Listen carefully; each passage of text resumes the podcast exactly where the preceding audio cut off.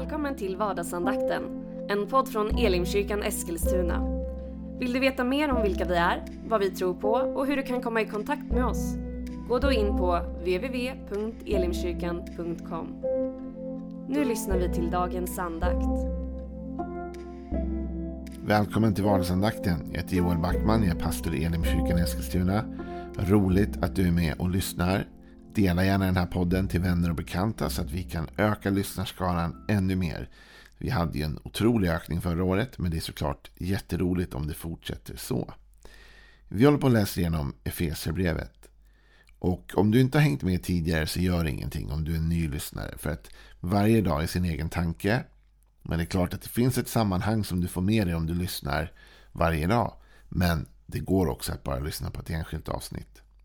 Vi har valt Efesierbrevet just nu därför att det är det, den bibelbok som kyrkan sätter lite extra fokus på i år. Om du vill ha mer information och material om det så kan du gå in på ekumeniakyrkan.se. Vi har kommit fram till en fantastisk vers idag. En vers som verkligen sammanfattar det nytestamentliga tänkandet. Därför att det finns ju två testamenten då i vår bibel. Gamla testamentet, Nya testamentet. De här symboliserar två förbund. Först Guds förbund med Israel i Gamla Testamentet. Men sen också det förbund som instiftas med Jesus Kristus då. Eller genom Jesus Kristus i det nya förbundet. Nya Testamentet. Och vi ska läsa tillsammans ifrån då Efesierbrevet kapitel 2, vers 8. Ty av nåd är ni frälsta genom tron. Inte av er själva, Guds gåva är det. Ty av nåden är frälsta är det då räddade genom tron. Inte av er själva, Guds gåva är det. För dig och mig som lever i en kristen kontext, kanske i det nya testamentets tänkande, så är den här meningen liksom självklar. Men för de som Paulus skriver till var den kanske inte alls lika självklar, utan ganska, om inte helt, radikal faktiskt. Det beror Ty av nåd är ni frälsta genom tron, inte av er själva. Alltså gamla testamentet, om man skulle grov generalisera det, och det kanske aldrig är en bra idé att generalisera för mycket, men vi gör det ändå. Så kan man tänka lite grann att en människa blev rättfärdig utifrån sitt agerande. Om hon levde upp till Guds lagar och bud, om hon gjorde det Gud sa, då kunde hon uppnå rättfärdighet. Fast sen visar det sig, och Paulus återkommer till det i sina texter, att det kunde man ändå inte riktigt. Ingen människa nådde upp till den ribba som lagen satte. Men det var i alla fall tanken. Så att där var det på grund av dem själva, om de nu nådde fram. Gud hade gett lagen, Gud hade gett olika offerceremonier och, med och andra saker. Och om man då följde detta, ja men då kanske man kunde uppnå rättfärdighet. Här säger Paulus att det är precis tvärtom. Ni är nu frälsta eller räddade av nåd. Alltså det är en gåva. Inte av er själva. Det handlar inte om er längre. Utan det är Guds gåva. För vill man grovgeneralisera det nya testamentets tänkande. Då kan man göra det på det här sättet. Så att I nya testamentet så blir vi rättfärdiga på grund av vad Gud har gjort. Inte på grund av vad vi har gjort. Utan på grund av Guds agerande. Det vill säga, han sände sin son till jorden Jesus kom hit, tog på sig vår synd och skuld och skam, dog i vårt ställe och gav oss då som tror frälsningen som gåva. Ja, det är en nåd och den kommer till oss genom tron och det kommer jag återkomma till lite senare. Men jag vill ändå få bara fastna lite mer på detta också. Att det är av nåd. Detta är en gåva från Gud. I Romarbrevet som ju är ett av de brev i Bibeln som mest behandlar just detta med tron. Så hittar vi i det tredje kapitlet av Romarbrevet följande segment. Då. Romarbrevet 3 och 21. Framåt. Men nu har Gud uppenbarat en rättfärdighet som inte beror av lagen, men som lagen och profeterna har vittnat om. En rättfärdighet från Gud genom tron på Jesus Kristus för alla de som tror. Här görs ingen åtskillnad.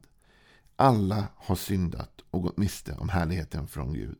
Och utan att ha förtjänat det blir de rättfärdiga av hans nåd eftersom han har friköpt dem genom Jesus Kristus. Gud har låtit hans blod bli ett försoningsoffer för dem som tror. Här talas det om nåden. Och här talas det igen om att nåden är för alla. Det handlar inte om oss längre. Det som i Gamla Testamentet handlade så mycket om vilka vi var. Frälsningen var ju inte för alla. Och hur vi levde. Har nu tagits bort. Här talas det snarare om att här finns det en rättfärdighet och en frälsning, en räddning genom, eller från Gud genom Jesus för alla som tror. Och här, säger Paulus, görs ingen åtskillnad. Det är ganska fantastiskt att bara stanna upp där egentligen. Det här predikar vi om för lite tycker jag ibland. Här görs ingen åtskillnad. Med andra ord, denna frälsning, räddning, är nu tillgänglig för alla.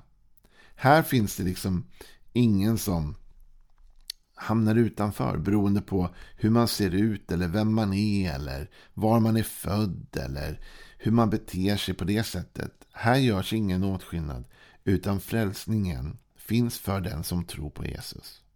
Den är given av nåd. Det är en gåva. Alla har syndat och gått miste om härligheten från Gud. Så vi börjar alla på samma, på samma spelplan kan man säga. På samma ruta på spelplan. Alla har syndat. Alla har gått miste om härligheten från Gud. Det gäller dig, det gäller mig, det gäller alla. Och så kommer de här raderna. Och utan att ha förtjänat det. Det här är ju nådens epicentrum kan man säga. Utan att ha förtjänat det blir de rättfärdiga av hans nåd. Eftersom han har friköpt dem genom Kristus Jesus. På grund av att Gud har handlat. Han har låtit Jesus dö i vårt ställe. Han har gett Jesus för oss. Han har friköpt oss genom Jesus Kristus och det offer han gav. På grund av det så kan du och jag ta emot räddning, frälsning av nåd. Och det spelar ingen roll vem du är, utan det här gäller alla. Gud gör ingen åtskillnad på dig eller mig. Vi har båda fallit ner i gropen och vi behöver båda komma upp. Och endast genom Jesus kan vi komma upp. Men inte genom egen liksom, talang eller gåva eller eget agerande. Va? Utan Gud är den som lyfter oss upp av nåd. Av nåd är ni frälsta genom tron. Av nåd. Detta är en Guds gåva till dig och till mig oavsett om vilka vi är. Och det här uppstod det lite, vad ska man säga, konflikter kring. Det var lite svårsmält för en del. Och faktiskt till och med så att de två liksom stora personligheterna i den första kyrkan, om man nu kan uttrycka sig så, Petrus och Paulus, de brottas med det här ibland. Och de till och med hamnar i en situation där Paulus tillrättavisar Petrus för hur han agerar utifrån detta. Och det vill jag läsa med dig då ifrån. Läser vi tillsammans ifrån Galaterbrevet. Det andra kapitlet och den elfte, elfte versen. Men när Kefas, och Kefas då det är ju Petrus. Men när Kefas kom till Antiochia vände jag mig öppet mot honom. Han hade ju dömt sig själv. Ty innan det kom några från Jakob brukade han äta tillsammans med hedningarna. Men när de hade kommit ville han inte längre vara med utan drog sig undan av fruktan för dem som höll fast vid omskärelsen. Samma hyckleri gjorde sig också de andra judarna skyldiga till så att till och med Barnabas drogs med. Men när jag såg att de avvek från sanningen i evangeliet sa jag till Kefas i allas närvaro om du som är jude kan leva på hedningarnas vis istället för på judarnas varför vill du då tvinga hedningarna att göra sig till judar? Här talar Paulus om att han hamnar i en situation där Petrus börjar agera lite annorlunda. Petrus brukade äta tillsammans med hedningarna. Han hade inget problem med det. Därför han visste att alla var frälsta av nåd. Och han visste att Gud inte längre gör skillnad på människor. Men så kom det några från Jakob då, eller det kom alltså några israeliter, några judar dit. Och när de kom dit då vågade Petrus inte längre sitta och äta med hedningarna. För han ville inte bli uppfattad på det sättet. Utan då satte han sig vid de andra. då. Och då säger Paulus att det här var inte alls okej. Okay. De avviker från sanningen i evangeliet. Och vad är det för sanning han här talar om? Jo, att frälsningen är för alla, av nåd given. Om du är hedning eller inte. Och Petrus började umgås med dem som var omskurna. Och omskärelsen, det var ju ett, en regel i det gamla förbundet. Det var ju någonting man var tvungen att följa på den tiden då man själv försökte uppnå rättfärdigheten genom sitt agerande och handlande. Då var det nödvändigt att omskäras. Men i det nya förbundet, när vår räddning, vår frälsning inte längre bygger på vad vi gör, utan på vad Gud har gjort genom Jesus, så behöver vi inte längre omskära oss. Kristus är vårt offer. Ändå gör du och jag så här hela tiden. Och tänk att till och med Petrus, han som var klippan, han som var den som Jesus utvalde, att ändå börja liksom leda församlingen. Till och med han vacklade i detta. Och du och jag kan också göra det. Att vi börjar få för oss helt plötsligt att visst, vi är frälsta av nåd, det är en Guds gåva. Men samtidigt måste man kanske vara lite omskuren. Eller samtidigt måste man kanske göra lite av det här. Eller göra lite av det här. Eller göra lite av det där. Och det finns saker som är bra att göra.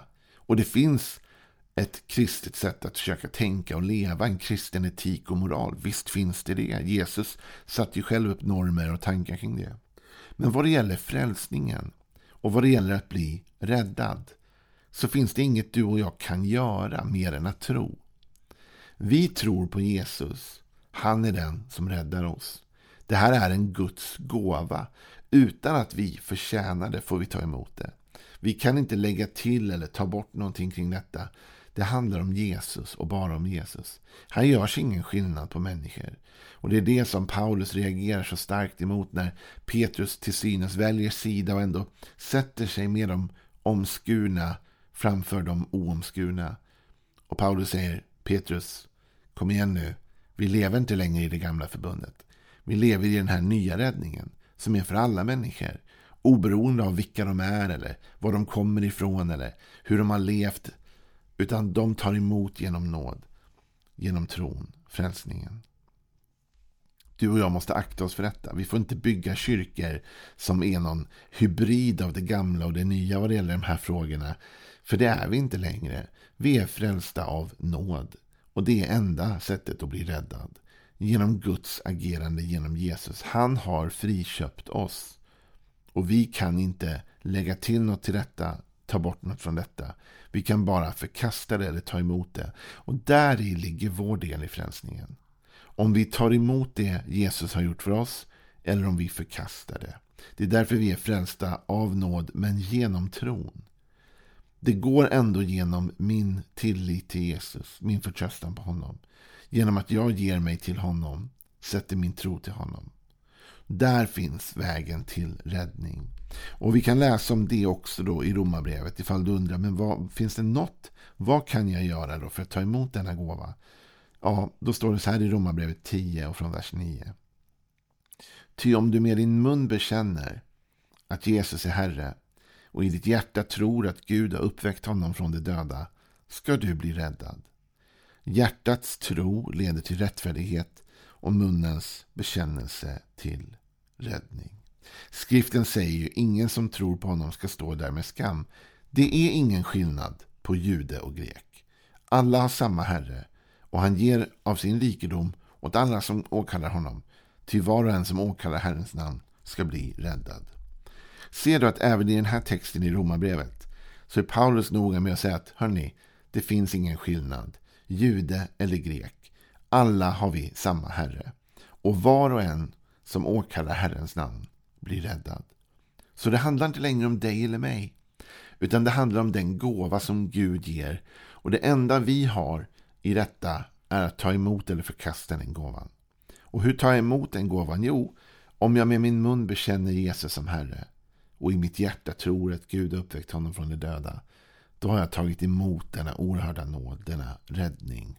Oberoende av vem jag är, var jag är född, hur jag ser ut, vad jag har gjort, hur jag har betett mig, vad jag lyckas med eller vad jag inte lyckas med. Vi lägger så mycket krav på människor.